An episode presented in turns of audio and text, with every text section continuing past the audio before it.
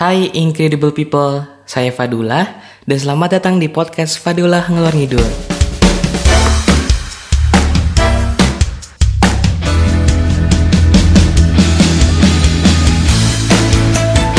Episode hari ini kedatangan tamu dia organizing komite presiden dari sebuah project di salah satu organisasi di Semarang.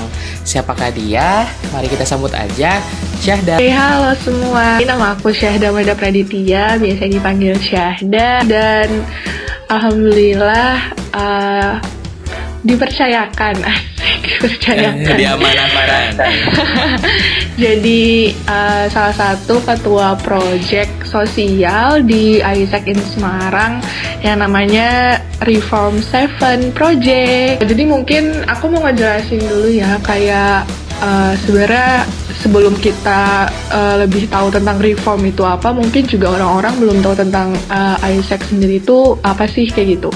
Jadi mungkin kalau secara in briefnya, uh, Isaac in Semarang itu adalah sebuah organisasi kepemudaan yang uh, base-nya itu ada di Semarang kayak gitu. Dan uh, Isaac in Semarang ini tuh kalau misalkan kita bandingin sama organisasi-organisasi lain juga punya program kerjanya sendiri. Dan um, salah satu program kerjanya itu uh, ada yang namanya project sosial. Project sosial yang uh, melibatkan mahasiswa asing dan juga mahasiswa di Semarang kayak gitu. Dan kalau untuk uh, periode ini untuk uh, term ini itu uh, Isaac in Semarang punya 5 proyek sosial dan salah satunya itu ada Project Reform Seven namanya yang di mana tuh Reform Seven ini tuh uh, fokusnya itu ke isu-isu lingkungan kayak gitu. Dan nggak semata-mata tentang isu lingkungan aja tapi uh, project sosialnya ini uh, yang semua project sosial itu yang ada lima itu uh, kita tuh fokus sama yang namanya Sustainable Development Goals. Mungkin udah uh, sering dengar kali ya uh, apa sih kayak SDG itu apa. Terus mungkin juga udah banyak banget ada di berita-berita atau di internet kayak gitu. Jadi uh, di sini uh, setiap project itu tuh uh, fokus ke salah satu goals di SDG kayak gitu sih. Dan kalau untuk reform sendiri fokusnya ke goals nomor 12 uh, itu responsible consumption and production. Dan uh, memang fokus kita itu ke isu lingkungan gitu. Jadi environmental project gitu. Dan uh, kenapa sih uh, fokusnya itu harus ke lingkungan gitu uh, karena uh, kita berusaha buat apa ya hadir sebagai uh, solusi uh, untuk permasalahan lingkungan yang ada di Semarang kayak gitu sih kalau secara uh, secara gambaran besar sih kayak gitu. Oke, nah sebelumnya nih um, mau ngucapin selamat atas terpilihnya menjadi ketua pelaksana dari Reform Project ketujuh ini. Dari banyaknya uh, pengalaman yang lu dapat, kenapa memutuskan untuk mengambil tanggung jawab ini menjadi ketua acaranya? Oke, okay. uh, mungkin kalau uh, kenapanya juga mau sekalian sharing juga kali ya. Jadi uh, kalau misalkan uh, boleh flashback sedikit itu di tahun 2019 bulan Januari sampai bulan Februari itu uh, aku ngelakuin uh, volunteering gitu ke luar negeri waktu itu ke Turki dan di sana itu aku ngelakuin sosial project juga. Dan itu uh, salah satu programnya Isaac juga dan fokusnya itu ke quality education gitu. Jadi di sana uh, aku ngajar ke anak-anak, terus juga um, sharing tentang culture-nya di Indonesia, terus um, ngajarin mereka tentang bahasa Inggris kayak gitu. Jadi kayak tugas aku itu sebagai guru gitu di sana. Nah, uh, ketika aku pulang uh, sebenarnya aku nggak pernah terfikirkan sebelumnya sih kayak uh, bakal take opportunity sebagai uh, kalau kita kan bilangnya OCP ya atau kayak uh, ketua pelaksananya gitu gitu. Nggak pernah terfikirkan buat take opportunity jadi ketua project sosial gitu yang di mana itu uh, bakal nge-manage sekian banyak orang uh, di dalam suatu project kan. Dan uh, ketika kita jadi ketua nanti kita bakal punya uh, anggota-anggota kita. Terus juga kalau di uh, sosial project di Aisak itu kan melibatkan juga mahasiswa lokal sama mahasiswa asing kan. Dan uh, kita juga harus bisa nge-manage mereka kayak gitu. Uh, supaya bisa menjalankan projectnya dengan uh, semaksimal dan sebaik mungkin kan kayak gitu. Dan sebenarnya nggak pernah kebayang juga um, tapi waktu itu pas akhirnya milih buat uh, oke okay, kayaknya coba dulu deh kayak gitu. Uh, akhirnya aku jadi apa ya jadi flashback lagi sih. Oh mungkin karena kemarin aku udah uh, dapat apa ya dapat kesempatan untuk bisa volunteering di luar negeri dan ngerasain gimana sih uh, project sosial gitu, menjalankan project sosial yang waktu itu aku sebagai partisipannya. Dan uh, mungkin saatnya nih sekarang aku uh, nge-challenge diri aku lagi uh, buat uh, gimana aku harus bisa ngebuat uh, sebuah project uh, yang apa ya membantu mahasiswa lokal, mahasiswa asing dan juga membantu anggota-anggotaku nanti tuh mendapatkan uh, development yang mereka harapkan, terus juga membantu mereka untuk uh, apa ya menyebarkan impact-impact positif ke lingkungan sekitar kayak gitu sih. Jadi kayak uh, apa ya kalau bahasa singkatnya itu aku give lagi gitu ke so society aku gitu. Jadi uh, aku udah tech experience aku sebelumnya sekarang uh, waktunya aku untuk give uh, berusaha untuk membantu uh, dengan cara give experience itu ke orang-orang kayak gitu sih dulu. Hmm, sekarang kan yang lu pegang kan reform 7 ya? Reform iya, seven, yang ketujuh. Berarti bisa dibilang uh, udah tujuh kali dong ya? Iya benar banget. Jadi kalau nggak salah itu ini if I'm not mistaken juga uh, dimulainya itu tuh reform pertama kali di summer summer tahun 2017 uh, eh, sampai sekarang udah yang ketujuh kalinya dilaksanain. Jadi uh, kalau reform itu tuh dilaksanain uh, setahun itu dua kali. Jadi kayak summer ada, winter ada kayak gitu. Jadi kayak uh, dua periode gitu. Uh, tapi kalau untuk sekarang karena harusnya uh, projectnya itu sebenarnya uh, harusnya tuh jalan bulan Juli Agustus ini cuma karena ada pandemi juga dan kondisinya uh, nggak uh, memungkinkan untuk menjalankan project uh, di summer jadi harus dipospon di winter gitu deh uh, jadinya bulan Januari dan Februari tahun 2021 karena udah yang ketujuh sebenarnya tuh awal mulanya reform terbentuk itu latar belakangnya kayak gimana sih Syah? Mm -hmm, Oke, okay. jadi uh, kenapa sih kok harus ada reform kayak gitu? Jadi sebenarnya uh, basically semua project sosial semua project sosial yang ada di Aisekin Semarang itu nggak hanya reform aja, uh, mereka tuh ada karena uh, apa ya? Mereka tuh ada ya karena ada permasalahan-permasalahan khususnya di kota Semarang yang harus diselesaikan kayak gitu sih. Jadi nggak semata-mata nih kita ngebuat proyek sosial tapi nggak ada alasannya gitu. Nggak ada yang nggak ada yang berusaha untuk ditanganin gitu. Nah tapi kita di sini ya uh, what Semarang needs kayak gitu kan. Jadi apa yang Semarang butuhkan kita berusaha untuk uh, menyediakan uh, untuk membantu mengatasi permasalahan tersebut kayak gitu. Nah uh, karena uh, kalau yang misalkan uh, kita lihat sekarang itu Semarang masih menghadapi beberapa isu lingkungan kan.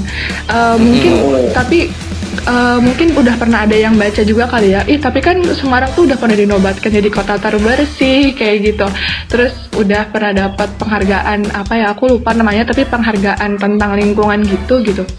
Um, cuma uh, kalau misalkan kita mau take a look lebih uh, dekat lagi, sebenarnya masih ada isu-isu uh, uh, lingkungan yang masih bisa masih bisa kita tanganin kayak gitu, kayak misalkan uh, hal tentang pengelolaan sampah, uh, mungkin hal-hal kecil kayak gimana sih caranya untuk memilah sampah, terus juga uh, gimana caranya uh, meningkatkan kesadaran masyarakat di Semarang itu kalau apa ya kalau misalkan uh, penggunaan plastik berlebihan itu tuh nggak baik kayak gitu. Jadi uh, kenapa harus sampai ada tujuh kali gitu? Karena uh, sebenarnya kalau kalau untuk melihat impact ya, melihat pengaruh dari apa sih yang udah dibuat sama reform itu sebenarnya nggak bisa langsung dilihat dalam jangka pendek gitu. Jadi uh, misal kita ngelakuin project terus nanti impactnya udah bisa dilihat dalam 1 sampai dua bulan ke depan itu belum tentu gitu. Jadi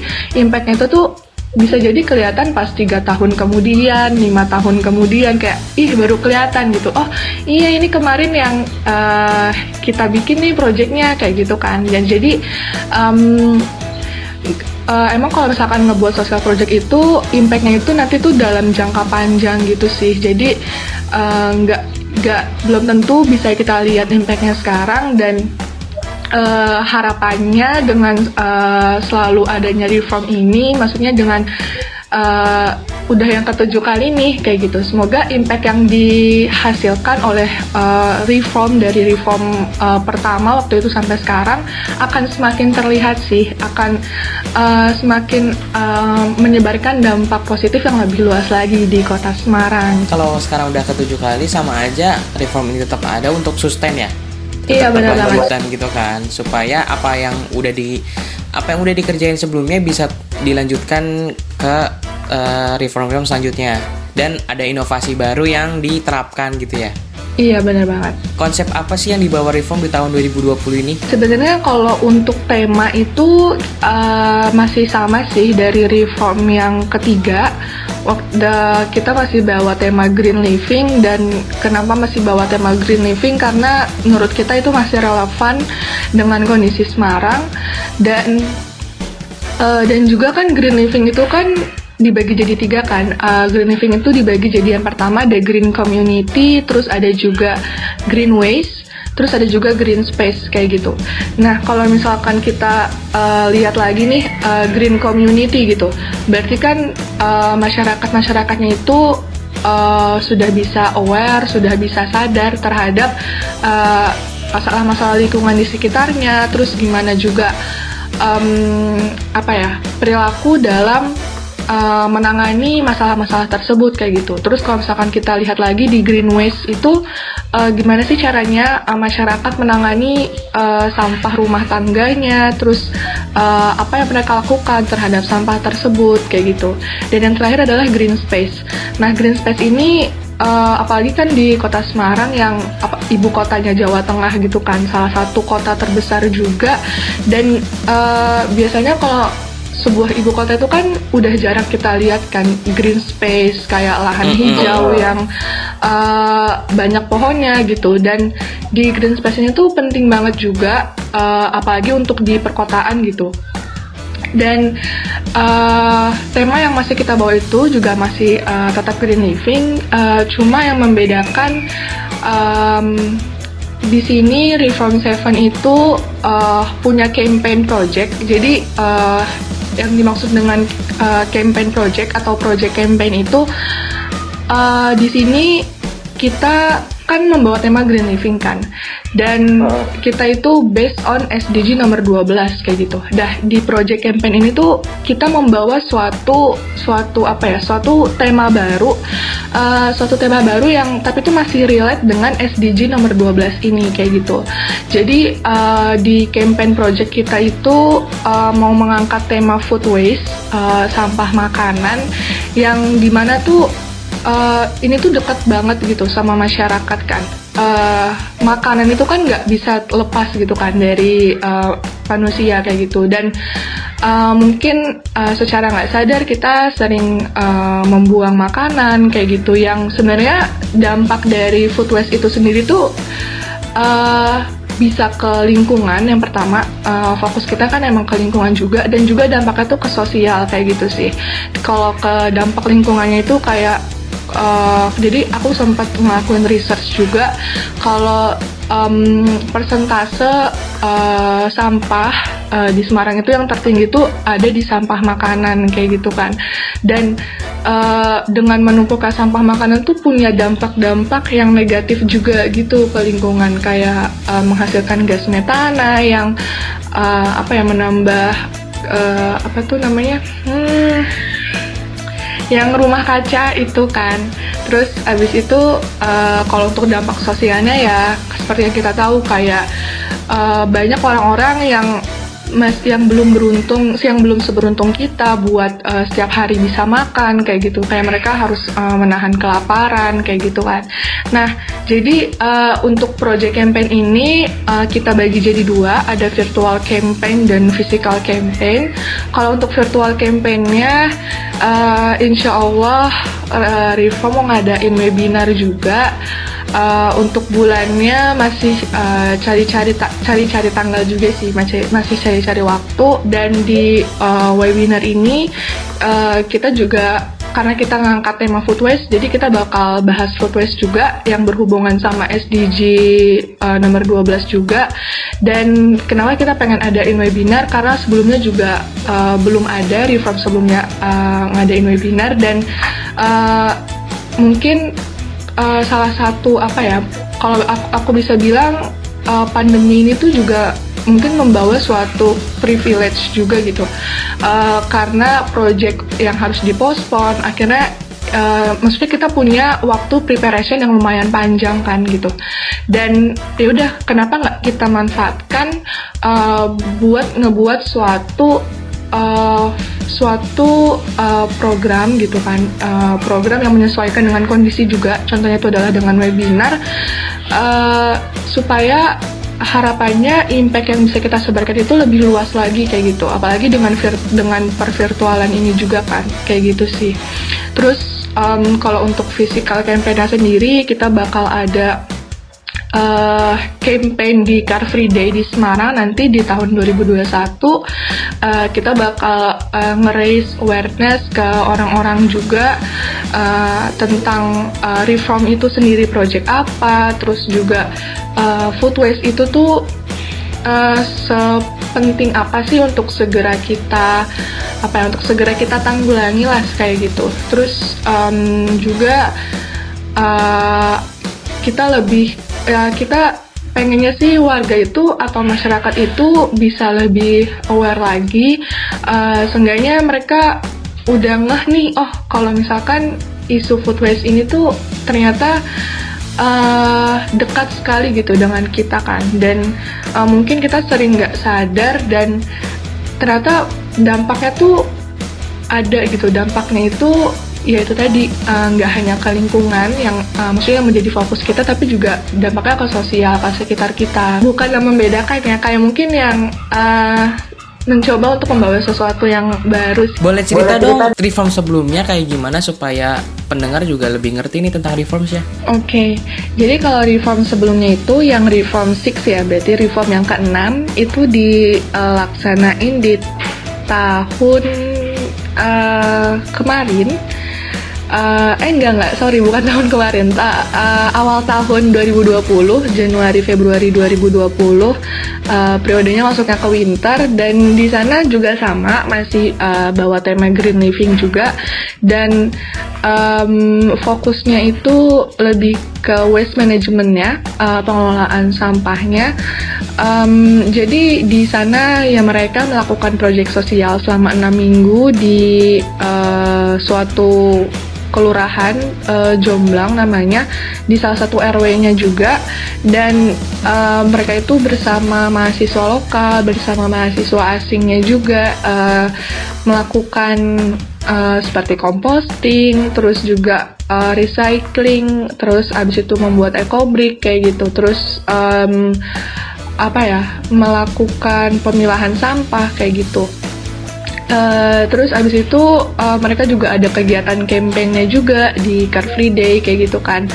Uh, jadi sebenarnya uh, sama sih kayak gitu sih. Jadi ya uh, apa ya tidak jauh berbeda juga. Mungkin ada uh, sedikit uh, perbaikan atau hal-hal yang bisa dimaksimalin lagi dari reform 6 yang kemarin kayak gitu. Yang mungkin uh, masih bisa kita improve lagi sih kayak gitu. Uh, dan menyesuaikan juga dengan kondisi dari desa dari kelurahannya itu sendiri kayak gitu kan Jadi gitu sih Do kalau buat gambaran uh, reform kemarin itu gimana? Yang gue tahu kan lo juga uh, kuliah di kesehatan masyarakat. Itu tuh apakah ada sangkut pautnya juga dari proyek lo terkait kesehatan di masyarakat atau gimana? Kan ngomongnya juga lingkungan ya. Jadi kalau untuk kesehatannya sendiri uh, sejujurnya ya nggak uh, terlalu nggak terlalu apa ya nggak terlalu ada sangkut pautnya sih gitu. Jadi karena uh, kalau untuk isu kesehatan sendiri itu udah ada sosial projectnya sendiri juga kayak gitu di Aisekin Semarang. Uh, jadi emang kita nggak terlalu menyangkut pautkan sama kesehatan sih gitu. Eh, nggak uh, terlalu jadi main fokus juga kayak gitu. Jadi fokusnya emang hanya ke lingkungan itu sendiri sih do. Seberapa besar uh, pengaruh reform yang sudah dilakukan ke masyarakat? Kalau untuk uh, seberapa besar pengaruhnya uh, mungkin kayak aku nggak bisa ngejelasin yang kayak wah-wahnya gimana kayak wah pencapaian terbesarnya atau gimana tapi uh, kalau yang bisa aku uh, recap maksudnya aku lihat dari reform-reform kemarin itu uh, waktu reform 3 itu mereka kan yang pertama kali membawa tema green living kan dan uh, waktu itu campaign project mereka itu fokusnya uh, lagi ke sampah plastik. Karena waktu itu juga lagi booming boomingnya uh, nggak pak buat apa ya nggak nggak usah pakai sedotan plastik kayak gitu kan. Dan jadi itu mereka waktu itu uh, sempat collab gitu partnership partnership sama salah satu uh, cafe yang lumayan udah terkenal juga di Semarang dan mereka ngelakuin uh, racing awareness di sana dan menurutku itu keren banget sih karena uh, bisa melakukan partnership terus juga melak melakukan uh, campaign juga di sana kayak gitu. Jadi uh, apalagi kan uh, tema mereka waktu itu membawa tentang sedotan plastik gitu kan yang memang lagi relate banget nih sama masyarakat gitu. Lagi lagi trending trendingnya gitu. Jadi sangat relevan sih jadi nyambung dan pesannya itu juga bisa nyampe gitu ke masyarakat kan. Terus um, kalau untuk uh, pengaruhnya sendiri uh, atau impact yang udah dilakuin uh, mungkin ini ya karena dari reform 5 reform yang kelima itu uh, kita udah stay di kelurahan Jomblang juga uh, di salah satu RW-nya dan uh, di sana maksudnya kita benar-benar berusaha buat uh, apa ya memberikan uh, dampak positif gitu untuk lingkungannya itu sendiri mulai dari uh, menghias lahan hijaunya membantu untuk menghijaukan lahan hijaunya lah kayak gitu. Uh, kita uh, mulai dari uh, membersihkan lahannya terlebih dahulu terus habis itu kita melakukan composting juga uh, kita mengumpulkan uh, sampah organik dan juga sampah anorganik dari warga-warga kayak gitu yang mana nanti uh, diolah nih jadi uh, kompos terus juga diolah jadi uh, eco brick kayak gitu kan. Eco brick juga uh, jadi salah satu solusi yang mudah banget buat uh, kita lakuin uh, dari sampah-sampahan organik juga dan dari dan di reform uh, 5 itu waktu itu sempat bikin gapura juga gapura dari susunan eco brick gitu yang udah dibikin dari sampah-sampahan organik dan itu menurutku jadi salah satu apa ya salah satu uh, tanda kalau uh, ini yang bisa reform bantu untuk uh, menghijaukan lahan hijaunya itu sendiri gitu sih. Jadi tapi balik lagi sih kalau untuk uh, yang wah-wahnya mungkin aku nggak bisa yang langsung uh, jawab karena yang itu tadi gitu. Uh, kalau untuk project sosial itu sendiri uh, impact yang belum bisa kita lihat dalam waktu dekat ini gitu sih Dul. Jadi emang project itu jangka panjang bukan jangka eh, jangka pendek gitu kan. Benar banget. Um, yang dilakukan sekarang itu emang sebenarnya untuk juga menanamkan uh, perilaku-perilaku yang bisa menjaga lingkungan. Mm-hmm, benar-benar. Juga mengajarkan masyarakat untuk bisa mengelola lingkungannya supaya lingkungannya jadi lebih bagus gitu kan. Mm-hmm, benar-benar. Dan uh, outputnya bisa dibilang walaupun gak nyambung kesehatan, tetap, tetap tetapi outputnya juga supaya masyarakat sehat ya kan. Iya benar Karena deket banget kan, lingkungan itu deket banget gitu sama sama kita sehari-hari kan. Jadi uh, itu mungkin secara otomatis sih kalau misalkan lingkungannya bersih terus juga masyarakatnya juga udah sadar uh, insya Allah nanti juga berdampak positif juga sih buat kesehatannya tagline dari Reform 7 kayak gimana? Mhm. Oke, kalau untuk tagline sebenarnya uh, oh tagline ya. Tagline itu reform itu udah udah emang tagline reform sih maksudnya dari dulu dulu ya. Itu kita punya tagline tuh namanya one green step matters. Jadi uh, satu satu langkah one green step itu sa- satu langkah hijau aja tuh sebenarnya matters kayak gitu. Uh, matters banget berarti banget kayak gitu. Uh, jadi di sini kita uh, mungkin nggak belum bisa ngelakuin hal-hal yang langsung hal-hal yang besar yang langsung nih gitu kan eh, hal-hal yang gede sekalian. Tapi mungkin kita eh, baru bisa ngelakuin hal-hal yang kecil kayak gitu. One green step gitu. Jadi secara eh, step per step mulai dari kita fokus ke penanganan sampah domestik dulu kayak gitu. Eh, sesimpel kayak kita udah bisa memilah sampah terus abis itu eh, sesimpel juga kayak kita em, apa ya mengurangi penggunaan plastik kayak gitu. Dan itu tuh matters banget sebenarnya. Coba bayangin kalau misalkan uh, hal itu dilakuin nggak cuma dari diri kita aja maksudnya kita juga bisa mempengaruhi orang lain untuk ngelakuin hal yang sama dan pasti dampaknya bakal lebih luas lagi kayak gitu sih. Jadi uh, tagline yang kita pegang tuh ya yaitu kayak one green step matters. Jadi uh, seberapa uh, nggak nggak penting seberapa kecil uh, perilaku green step itu tapi sebenarnya itu uh, apa ya secara nggak sadar udah Berpengaruh punya besar. uh, uh, berpengaruh besar bener banget Ada namanya Enviro Keeper ya? Oke, Gimana? ha. Boleh jelasin dong? Kalau Enviro Keeper itu sebenarnya ini sih eh, apa ya tagline yang aku buat buat sendiri. Eh, kayak aku pengen, i- aku lebih pengen menanamkan ke anggota-anggotaku, anggota-anggotaku di timku.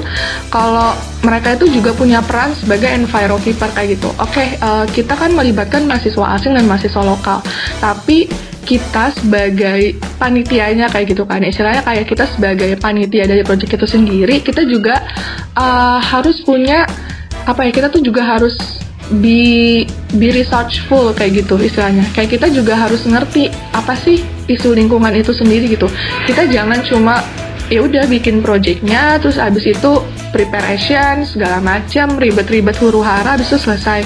Tapi sebenarnya kita nggak ngerti nih kalau misalkan nanti kita diajak ngobrol sama mahasiswa asing atau mahasiswa dari mahasiswa lokal yang kayak di tentang sharing-sharing tentang lingkungan terus abis itu kita cuma kayak yang eh, nggak belum bisa terlalu nyambung kayak gitu. Nah, tapi kita juga harus bisa eh bisa apa ya? Kita juga benar-benar harus mempelajari apa sih sebenarnya reform itu tuh gimana kayak gitu. Dan juga itu yang pertama ya mungkin secara secara pengetahuan gitu. Dan yang kedua adalah secara secara perilaku gitu. Jadi eh ya kita sebagai reform itu sendiri sebagai salah satu panitianya kita juga harus bisa act like reform kayak gitu jadi eh, ya kita benar-benar em, menerapkan eh, nilai-nilai yang ada di reform itu sendiri kayak gitu. Kan tentang isu lingkungan kan. Kayak misalkan eh, beralih nggak pakai sedotan plastik terus kayak misalkan pakai stainless straw atau mungkin nggak usah minum pakai sedotan kayak gitu. Terus atau eh, misalkan eh, mengurangi transportasi publik misalkan hal-hal kayak gitu. Jadi eh, ayolah kita itu act like reform dan eh, kita act like uh, enviro keeper itu sendiri kayak gitu sih jadi eh, benar-benar harapannya ketika dari panitianya aja tuh udah apa ya udah Menanamkan, udah berjiwa envir, Enviro Keeper gitu kan. Iya, jadi kayak udah melakukan perilaku-perilaku yang ya udah act like reform kayak gitu, act like enviro keeper. eh, secara langsung pasti akan dilihat juga oleh partisipannya kayak gitu kan, oleh mahasiswa asing dan juga mahasiswa lokal kayak gitu. Eh, Iya benar kita eh, harus juga bisa apa ya em, menanamkan reform itu sendiri ke dalam diri kita. Tolong dijelasin dengan singkat kenapa Reform 7 harus ada di tengah pandemi ini. Sebenarnya kenapa Reform 7 tetap harus ada di tengah pandemi ini apalagi ya maksudnya uh, setel- walaupun dilaksanakan di tahun depan maksudnya kita juga udah facing new normal juga kan kayak gitu. Dan sebenarnya uh, pasti bakal ada penyesuaian juga sih. Maksudnya banyak banget kan penyesuaian di tengah new normal ini. Kayak misalkan uh, pendidikan setelah pendidikan uh, di tengah-tengah pandemi atau mungkin dari aspek kesehatan itu sendiri. Terus misalkan uh, ekonomi di tengah-tengah pandemi kayak gitu. Dan sebenarnya gimana sih kita juga uh, harus bisa menyesuaikan nih kayak gitu. Lingkungan di sekitar kita kayak gitu. Lingkungan hidup di sekitar kita di tengah-tengah pandemi ini kayak gitu. Dan mungkin kalau misalkan kenapa harus ada karena uh, aku mungkin uh, balik lagi ke apa yang udah per, yang udah aku sempat uh, bilang sebelumnya. Kalau uh, masih ada uh, isu lingkungan yang masih harus kita solve, masih masih ada yang harus uh, yang masih bisa kita tangani kayak gitu. Apalagi kalau misalkan uh, uh, relate-nya ya dengan pandemi sekarang ini kan kita work from home kan. Dan uh, kalau misalkan aku baca-baca di berita tuh kayak uh, dengan kita melakukan uh, work from home ini tuh uh, jumlah sampah plastik tuh kayak semakin meningkat gitu. Terus uh, dan itu salah satunya kayak misalkan uh, kita kan uh, go food kayak gitu kan, sering go food atau uh, misalkan uh, kita pesan makanan, terus kan itu juga ada sampah uh, sampah dari makanan itu sendiri kan.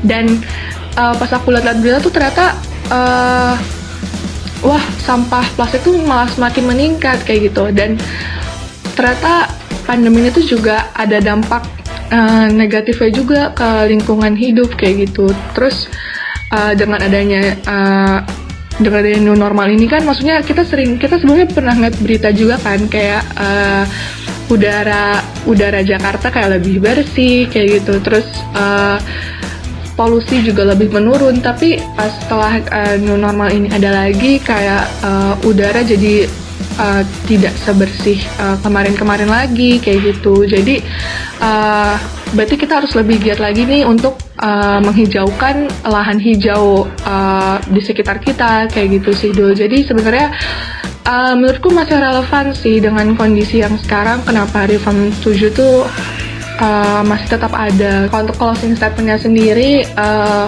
mungkin kalau yang aku bisa bilang uh, lingkungan itu benar-benar deket banget dengan kita gitu sebagai seorang manusia. Kayak kita akan selalu bisa akan selalu berinteraksi dengan lingkungan hidup sih. Dan uh, maksudnya sebisa mungkin itu uh, kita sebagai manusia apa yang kita hasilkan sebisa mungkin juga jangan sampai uh, merusak lingkungan hidup itu sendiri sih. Karena kayak apa yang kita makan apa yang kita uh, pakai di kehidupan sehari-hari kita kan juga comes from environment juga kan. Kayak air terus juga makanan dari tumbuhan hewan kayak gitu. Jadi uh, sebisa mungkin ya uh, kita jaga jangan dirusak. Karena kalau misalkan kita rusak kita mau tinggal di mana lagi gitu kan. Jadi uh, apa ya dan kalau misalkan kayak tagline reform itu kayak one green step matters juga. Jadi uh, coba mungkin bisa dirubah dari uh, perilaku diri sendiri dulu uh, seenggaknya sudah aware lah kayak gitu. Sudah sudah sadar. Uh, harapannya sih ketika udah sadar itu ya bisa uh, apa ya bisa berpengaruh ke perilakunya juga kayak gitu sih. Jadi semangat teman-teman uh, buat menjaga lingkungan hidupnya. Yeay, hashtag Envirokeeper guys. Betul, Envirokeeper. Asik. Terima kasih Syada udah mau um, meluangkan waktu nih buat ngobrol tentang proyeknya. Semoga proyeknya lancar dan bisa berdampak baik uh, dampaknya jangka panjangnya tuh bisa emang baik banget gitu. Okay, jadi jadi tidak sia-sia ya walaupun perjuangannya di pandemi ini tetap ngerumusin acaranya dan acaranya berhasil untuk mengajak orang-orang lebih apa ya bertindak baik ke lingkungannya supaya lingkungannya juga baik. Amin. Sekian podcast aku kurang lebih mohon maaf. Terima kasih sampai jumpa di podcast selanjutnya. Dadah.